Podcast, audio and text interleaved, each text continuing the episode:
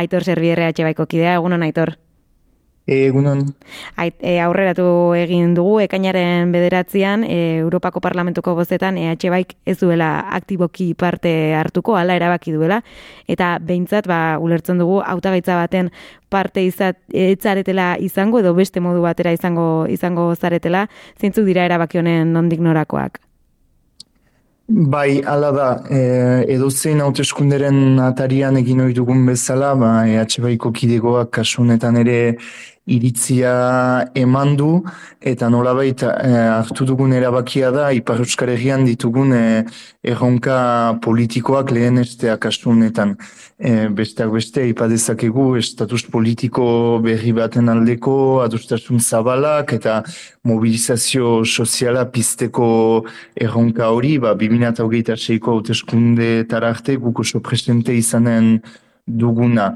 Eta zuk zenioen gixan, EH bai ez da batean e, aurkeztuko, horrek noski ez du erran nahi e, arreta handiz ez ditugunik jarraituko e, hauteskunde hauek, besteak beste atzo azpimarratzen genuen gixan badugulako borondatea EH bildurekin batera, ma momentu hori politiko hori baliatzeko e, zazpilu jaldez usaturiko euskaregiaren ahotsa nolabait e, entzunarazteko, baina baina esan dakoa, EHB-ko kidegoak erabaki du ba, beste erronka politiko batzuetan zentratzea udaberri honetan.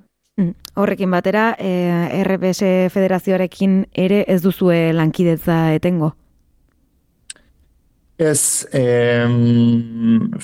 hauteskunde hauetan e, frantzes estatua, hautes bakarra izateak behartzen gaitu noski e, aliantzak bilatzera, gu bagara aipatu duzun e, erriz e, estaturik gabeko nazioen e, federazio horren parte, e, federazio horretako kideak aurkeztuko dira, e, guk ez dugu erabaki hori baloratzeko asmorik, baina erran bezala, ez zaigu iruditu, e, Euskal Herriaren interesei begira eta EH Bairen e, interesei begira aldi honetan horrekin bat egitea komunizitzai gunik, baina e, noski badugu borondatea ikusita e, Korsikan, Bretañan, baita um, Polinesia edo Kanaki bezalako uarteetan ere e, buru jabetza prozesuak martxan daudela, bakuk e, sakondu nahi dugu e, frantzis estatuak zapalduriko estaturik gabeko nazioen e, elkarlan horretan noski.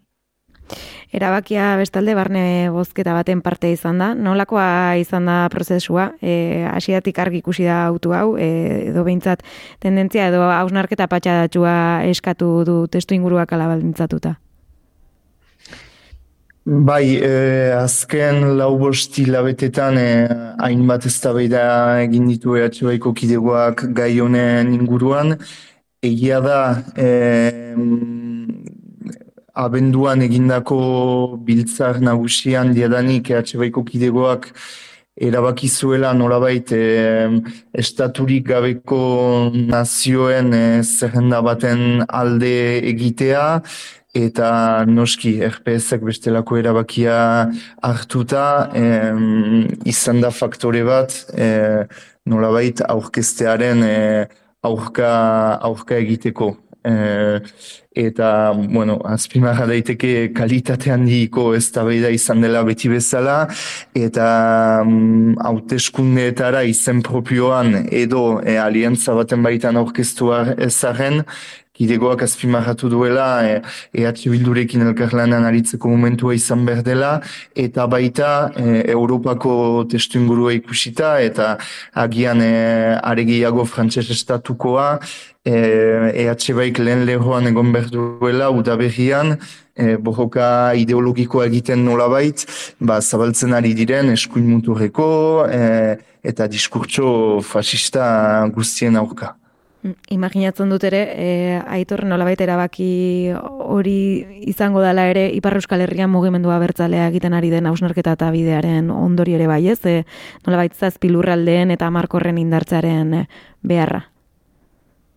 Bai, bai, bai, bai. E, mugimendu abertzalea bere osotasunean biltzen ari den, e, bagira osnarketa prozesu estrategikoa ere bere azken e, txampan sartuta dago, eh, erri mugimenduarekin batera, eragile sozialekin batera, EH bai buru belarriari da prozesua sustatzen.